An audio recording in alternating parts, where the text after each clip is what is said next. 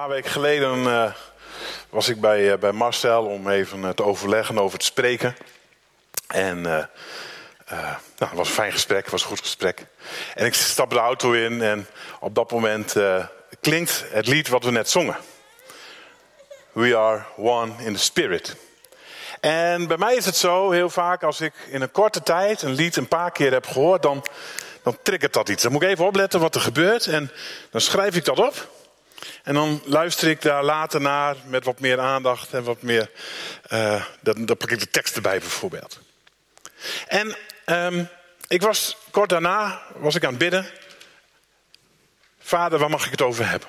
Wat mag het onderwerp zijn waar ik over mag gaan spreken? En ik kreeg het beeld van Rut. Naomi en Rut. Naomi, die eerst met Elimelech onderweg is met haar zoons naar de vlakte van Moab. Maar ook het beeld van Naomi en Rut onderweg terug naar Bethlehem Ephratha. En toen moest ik weer aan dit lied denken. Want luister eens wat er nou eigenlijk gezongen wordt in dat lied. We will walk hand in hand. We will work hand in hand. And they will know we are Christians by our love. We zullen samen optrekken, we zullen samen werken en ze zullen aan onze liefde zien dat we christenen zijn. Dat was het moment waarop ik dacht: hé, hey, ik moet Carla vragen, mag dat het laatste lied zijn voordat we de overdenking ingaan? En afgelopen dinsdag hadden we de gemeenteavond. En toen kwam Carla bij me en zegt: Ja, maar Michel, wil je hem nou in het Nederlands of in het Engels? Wacht even, ik had gezocht, maar ik had hem niet gevonden in het Nederlands. Is het gewoon opwekking nummer 8? Heerlijk hè? Dat moet je een tijdje terug. Maar opwekking nummer 8 staat hier ook gewoon. Ik wil graag eerst een deel uit Rut lezen met jullie. En daarna gaan we opwekking 8 zingen. Oké? Ik wil met jullie lezen uit Rut, Rut 1, vanaf vers 6 tot en met 19. Ik lees hem uit de NBV 21. Als je mee wil lezen, dan komt hij ook op het scherm. We weten allemaal het verhaal. Ik zei het net leven. Elimelech en Rut en Naomi gaan onderweg. Want er is hongersnood. En ze gaan op zoek naar een plek waar wel eten te vinden is. Maar op enig moment sterven zowel Elimelech als de zoons. En Naomi hoort er is in Israël weer eten. En daar beginnen wij te lezen. Toen Naomi hoorde, daar in Moab, dat de Heer zich het lot van zijn volk had aangetrokken en het weer brood had gegeven, maakten ze zich samen met haar twee schoondochters gereed om Moab te verlaten en terug te keren. Samen met hen verliet ze de plaats waar ze gewoond had en ze ging terug naar Juda. Maar eenmaal onderweg, zei Naomi, gaan jullie nu maar terug naar het huis van je moeder. Mogen de Heer zo goed voor jullie zijn als jullie voor mij en mijn gestorven zonen zijn geweest. Mogen Hij ervoor zorgen dat jullie allebei geborgenheid vinden in het huis van een man. En ze kusten hen. Toen barsten ze in tranen uit en zeiden: Maar wij willen met u terugkeren naar uw volk. Ga terug, mijn dochters, zei Naomi. Waarom zouden jullie met mij meegaan? Kan ik soms nog zonen krijgen die jullie mannen kunnen worden? Ga toch terug, want ik ben te oud voor een man. Zelfs al zou ik nog hoop koesteren. Zelfs al sliep ik vannacht nog met een man en al bracht ik nog zonen ter wereld, zouden jullie dan wachten tot ze groot zijn? En je ervan laten weerhouden om een andere man te trouwen? Nee, mijn dochters, mijn lot is te bitter voor jullie. De Heer heeft zich tegen mij gekeerd. En opnieuw begonnen ze te huilen.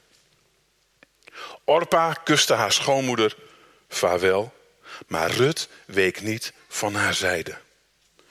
Kijk, je schoonzus gaat terug naar haar volk en haar God.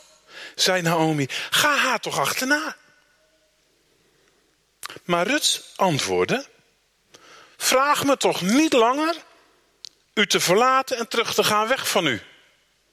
Waar u gaat, zal ik gaan. Waar u slaapt, zal ik slapen.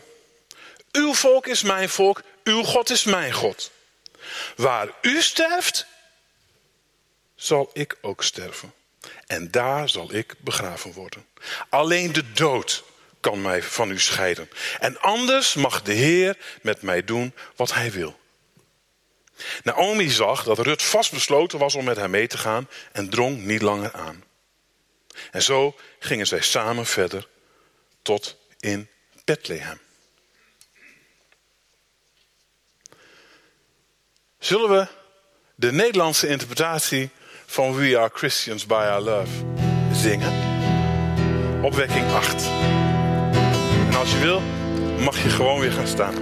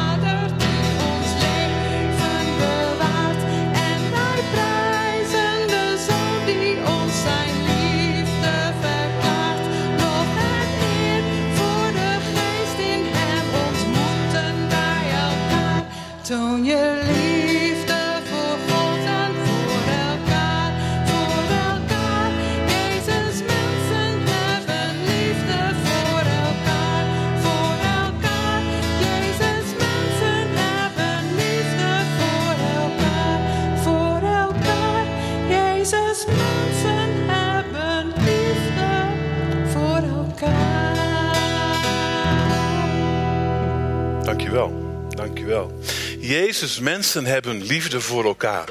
Wat een getuigenis, hè? Wat een heerlijke wetenschap, toch? Als je dat, als je die basis hebt.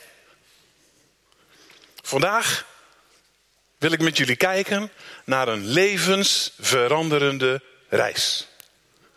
Het is trouwens de eerste vakantiedag, hè? Ik heb zo het idee, ik zal maar even rechtstreeks gaan, dat er ook al een aantal mensen via YouTube mee zitten te kijken. Dankjewel. We hopen dat je geniet van je vakantie. En wat tof dat je inschakelt of misschien later meekijkt, terugkijkt. En wat heerlijk om jullie hier te ontmoeten. Gaan de mensen nog op vakantie? Gaan de mensen nog dagjes weg? Ja? Wij zijn best een reislustig volk, hè? We vinden afstand is tegenwoordig helemaal niet meer zo'n probleem, toch? En lekker even op uit, even weg. Ik ga met jullie kijken naar de levensveranderende reis. En het gaat over Rut. En als je Rut begint te lezen, is het goed om eerst het laatste vers van Rechters te lezen. Want het laatste vers van Rechters, Rut is geplaatst direct na Rechters en voor Samuel. Daar staat, Rechters 21, 25. In die tijd was er geen koning in Israël. Iedereen deed wat goed was in zijn eigen ogen. Iedereen deed wat goed was in zijn eigen ogen. Dat is niet het helemaal hetzelfde als wat we net zongen, hè? Dat is echt heel iets anders. Iedereen deed wat goed was in zijn ogen. En er wil iemand heel graag even bij mij op het podium. Hé hey, schat. Het eerste vers van Rut zegt vervolgens: In de tijd dat de rechters het volk leiden, brak er een hongersnood uit in het land. En voor jullie beeld, de tijd van Rut was dus de tijd van de rechters. En er was altijd in, in die tijd een sprake van een golfbeweging. De Israëlieten verlieten God. Ze trokken hun eigen plan. Ze werden gestraft. Er kwam een rechter. Ze bekeerden zich. Ze namen weer afstand. Ze werden gestraft. Er kwam een rechter. En ze bekeerden zich. En ergens in die golfbeweging, deze golfbeweging, de tijd van de rechters, heeft ruim 300 jaar geduurd. En ergens hierin is het verhaal van Rut. En die hongersnood waar ik het al even over had. Het was niet dat er iets minder beschikbaar was. Bethlehem Ephrata wordt ook wel genoemd het broodhuis van Israël. Nou, als daar hongersnood was, dan was er dus ook echt een groot probleem. En ik weet niet hoe het jullie vergaat, maar um, op het moment dat hier de supermarkten leeg blijven, um, de oogst mislukt, de koeien geven geen melk. Op het nieuws zie je de fabrieken staan leeg, staan stil. Er is gewoon niets meer. Wat ga jij dan doen? Wat zou dan jouw overweging zijn? Let op hè. Als er 80, 90 kilometer van hier wel eten zou zijn. Ik heb het nagekeken. De reis van Bethlehem naar de vlakte van Moab moet ongeveer 80, 90 kilometer geweest zijn. Nou, uh, Hogeveen.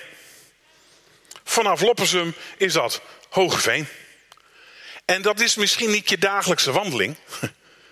Dat snap ik wel.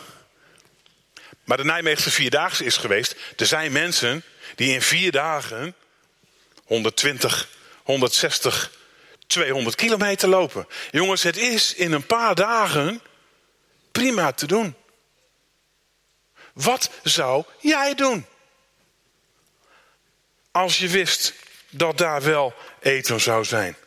En, en daarbij, wie zou ze veroordelen? Iedereen deed wat goed was in zijn eigen ogen. Dus iedereen trok zijn eigen plan. Kun je je voorstellen dat Elimelech en Naomi hebben gezegd... kom, weet je wat wij doen? We gaan naar de vlakte van Moab. Daar is eten. Daar gaan we een tijdje wonen. Dat staat niet in alle vertalingen, maar het was hun intentie om daar een tijdje te blijven. Om daarna weer terug te keren. Die tijd duurde trouwens alles met elkaar tien jaar ongeveer. Nou, dat is een serieuze periode. Niet lang nadat ze daar aankomen, komt Elimelech te overlijden. In die periode van tien jaar huwen Machlon en Kiljon met twee Moabitische meisjes, Orpa en Rut. Dus ja, ze hadden zich er ook wel een plekje verworven. Ook al waren en bleven ze vreemdeling in dat gebied.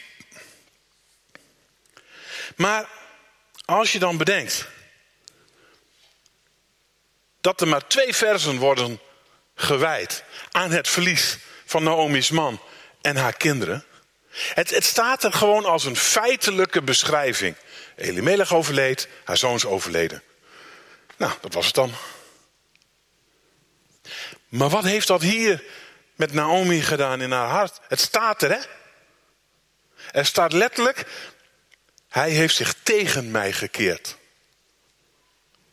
Hij, mijn lot is te bitter voor jullie, zegt ze even later tegen, de, tegen en Rut. Ze was, ze voelde zich gestraft. Ze voelde dat God haar op afstand had gezet. En eigenlijk als je dit leest, neemt ze dat God nog kwalijk ook. Ze was op afstand gezet. En dan, en dan komt er een, een sprankje hoop. Want waar we net begonnen te lezen, er staat dat ze hoorden dat er weer brood was. De Heer had zich weer ontfermd. En hij had weer brood en eten gegeven. Dus met z'n drieën pakken ze hun spullen en ze gaan onderweg terug naar het beloofde land. Zoveel besef moet er geweest zijn dat Naomi wist, ja maar daar is mijn plekje. Plus, daar lagen natuurlijk haar wortels. Daar had ze een stukje grond. Daar was ze groot geworden.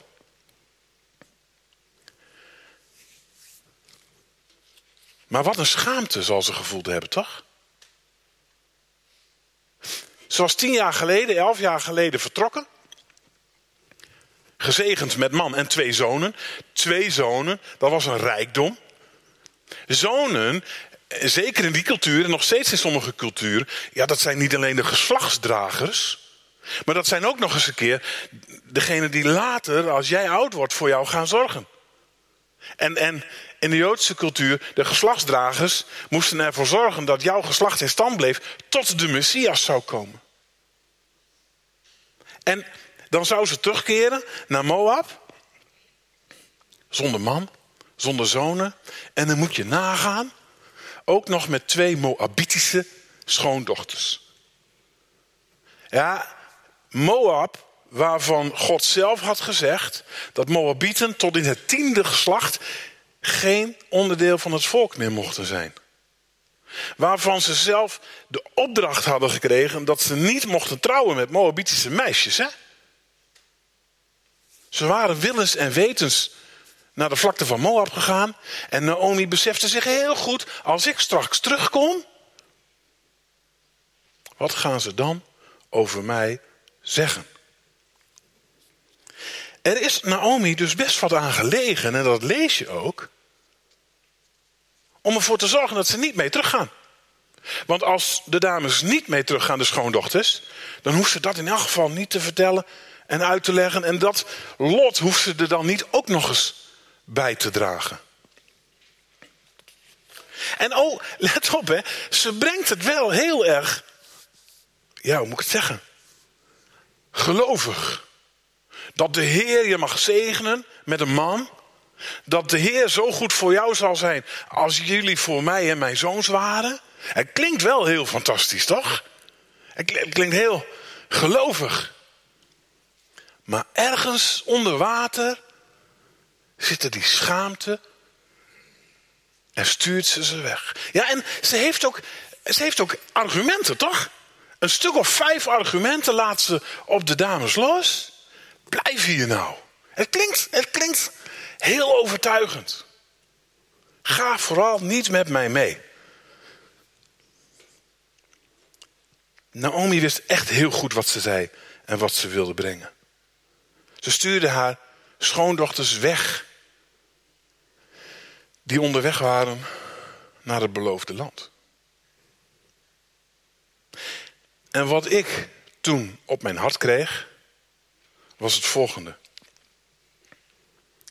Ook wij kunnen Naomi's zijn voor elkaar.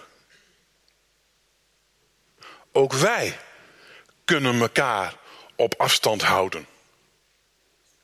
Elkaar belemmeren in het geloof, in de kerkgang, in. Noem maar op. Ik weet dat ik in mijn leven ook een Naomi geweest ben. En mensen, soms met de beste bedoelingen, maar omdat ik mijn eigen visie, idee, route had bedacht. Het idee had dat een ander misschien op een andere manier moest gaan lopen dan die deed. En, en wat dacht je van andersom? Wie is er in jouw leven een Naomi of een Naomi geweest? Wie heeft jou, al dan niet met de beste bedoelingen, wel eens op afstand gehouden? Ook ik heb echt waar krassen en deuken op mijn ziel.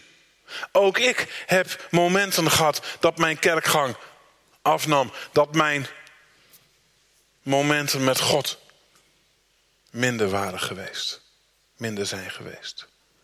Lieve mensen, het gebeurt. We houden elkaar zomaar op afstand.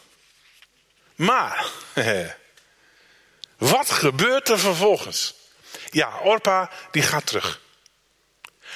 En dan? Dan zegt Rut, Naomi, je moet je nu stilhouden. Een schoondochter tegen een moeder staat gewoon op. En ze zegt, je moet nu ophouden. Dat is zo'n ontzettend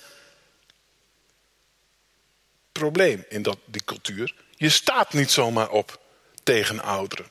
Rut wist, ik kan dit niet accepteren. Ik mag hier niet in meegaan.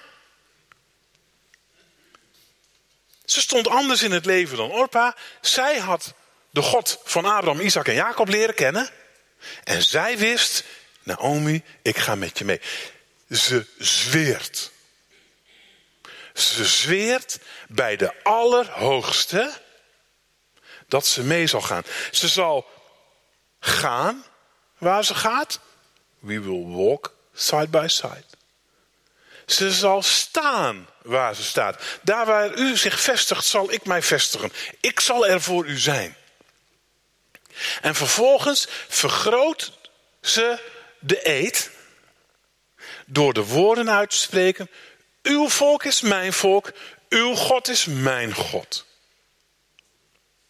En dat was letterlijk de enige manier, de enige tekst die je als niet-Joodse kon uitspreken om ingelijfd te mogen worden bij het Joodse volk. Je moest eerst het volk in en daarna zou de God van dat volk ook jouw God zijn. Uw volk is mijn volk, uw God is mijn God. Heftig hè? Een beleidenis, terwijl ze net, ze werd net weggestuurd. Liever heb ik dat je niet met me meegaat. Nee, 180 graden draait ze om. Ik ga met u mee en al uw argumenten veeg ik van tafel en ik wil kind van de Allerhoogste zijn. Kind van de Allerhoogste. Maar hoe kan dat dan? Hoe heeft ze dat voor elkaar gekregen? Hoe kan het dat Rut dit zo kon vertellen? Dat kan alleen maar de Heilige Geest geweest zijn. Amen. Dat kan alleen maar de Heilige Geest geweest zijn. Die heeft Rut in haar nekvel gepakt en gezegd: Jij gaat met me mee.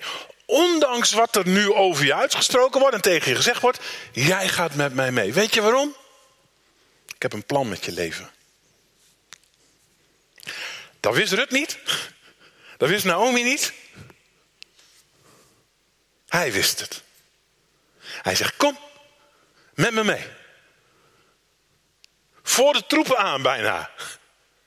Naar het beloofde land. Dwars tegen alle logica van de menselijke emoties gaat ze mee. En ik zei al, boven de preek had ik geschreven een levensveranderende reis. Nou reken er maar op. Het leven van Naomi en van Rut is een aantal keer ja, veranderd in deze route. Ik bedoel, van honger naar overvloed. Van leven naar dood. Maar ook van ontrouw en ongeloof naar geloof op de toppen van je kunnen. En het botst niet. Het valt in elkaar. Zoals biddende handen in elkaar mogen vallen. Hij is de regisseur. En in de, in de opwekking 8 zongen we net. In hem ontmoeten wij elkaar. Jezus, mensen hebben liefde voor elkaar. Oh. Heerlijk hè? Um, wij zijn alleen altijd op zoek. Als ons iets aangedaan is, of als wij een ander iets aangedaan hebben. Naar een stukje genade en een stukje vergeving, toch? Of misschien andersom. Of klopt de volgende wel? Genade en vergeving. Dus ik ben op zoek gegaan in het boek Rut. Hoe zit het daar met genade en vergeving? er wordt niet over gesproken. Het heeft de schrijver goed gedacht het er niet over te hebben. Het staat er niet. Ik heb nog een keer gelezen. Lees ik er nou overheen? Dat is toch de normale route, of niet? Er gaat iets fout. Dan is er vergeving, dan is er genade en dan gaan we weer verder. Het staat er helemaal niet. Weet je waarom het er niet staat? In de Joodse traditie is Rut een van de feestrollen. Die wordt bij de feesten, wordt er altijd een rol gelezen. En in het Hebreeuws draait het in het boek Rut om het woord geset. Ik hoop dat ik het goed uitspreek. Het woord geset. En geset wordt letterlijk een beetje koud vertaald met het woord liefde. Maar geset betekent allesomvattende liefde. In het Nederlands, in de vertalingen, wordt hij ook wel goedertierenheid. Als we het hebben over Gods goede tierenheid, dan hebben we het over zijn geset. Hij vergeeft. Hij is genade. Weet je wat het is, lieve mensen? Hij kan niet anders. God is volmaakte liefde. En voor iedereen die bij hem wil horen en bij hem wil zijn en waarvan hij zegt, jij hoort bij mij, is hij volmaakte liefde. En dat gaat door het hele boek Rut. We gaan 2, 3 en 4 niet lezen, maar Rut trouwt met Boas. Ook op een manier waarvan je kan zeggen, hé, hey, zoals die connectie begon. Hoe apart. De grote regisseur. Ze krijgen kinderen. En, en wat gebeurt er? Rut was de, weten wij, overgrootmoeder van David. Hij heeft in zijn allesomvattende liefde zelfs een Moabitisch meisje gebruikt in de bloedlijn naar David, ja, naar de Messias. Wij, oeh, wij kunnen zo makkelijk blijven hangen. En ja, maar hij, ja, maar zij, ja, maar toen werd mij. En God zegt, jongens, ik ga door. Mijn plan staat al vast. Ik ga door. Daarom hoeft het hier in het boek het niet over vergeving en genade te gaan. Al zal het er geweest zijn, en laten we dat voorop stellen. Maar het werd niet opgeschreven. Dwars door alle ellende heen, dwars door mensen die elkaar op afstand kunnen zetten van Jezus, gaat zijn plan gewoon door. Het zal er ook niet voor zorgen dat de Heilige Geest minder hard gaat werken. Misschien wordt hij zelfs wel aangevuurd om nog harder te werken. En lieve, lieve broers en zussen. Wat je ook overkomt.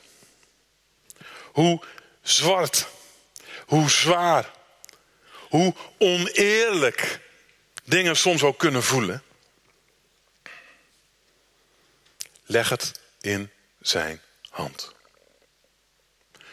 Zoek elkaar op. Bid samen.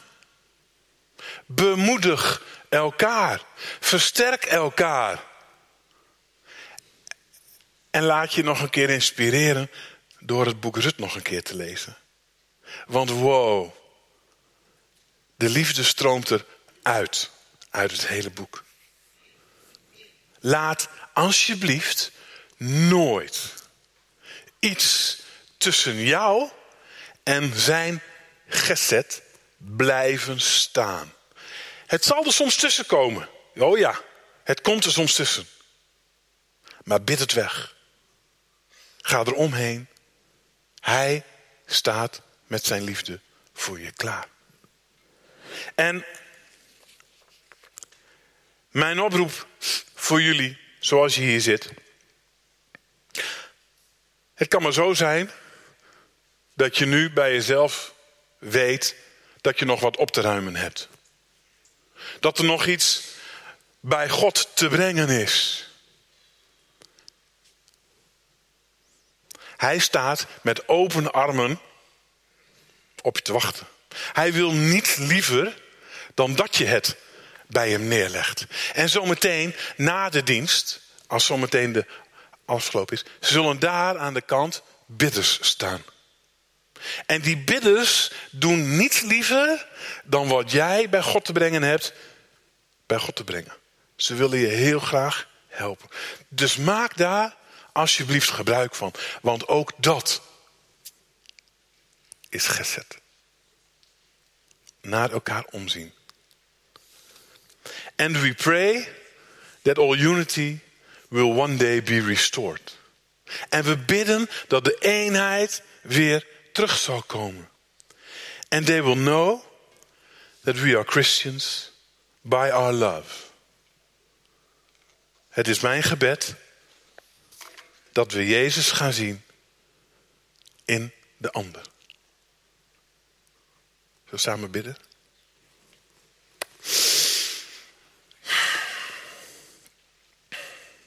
Heer, dank u wel. Dank u wel voor wie u bent en voor uw allesomvattende liefde. Heer, u was erbij in de reis, de levensveranderende reis. U bent erbij nu hier bij ons en u, het staat voor ons opgeschreven zodat we eruit mogen leren. Zodat we daar u in mogen leren kennen. En ik dank u, Vader, dat u dat geeft. Dat u er bent. Heer, ga zo met ons mee. In alle keuzes die we hebben, in alle overtuigingen die we hebben, in belemmeringen die nog tussen u en ons instaan. Of we ze er nou zelf neergezet hebben, of dat iemand anders dat gedaan heeft. Vader, we leggen het voor uw voeten.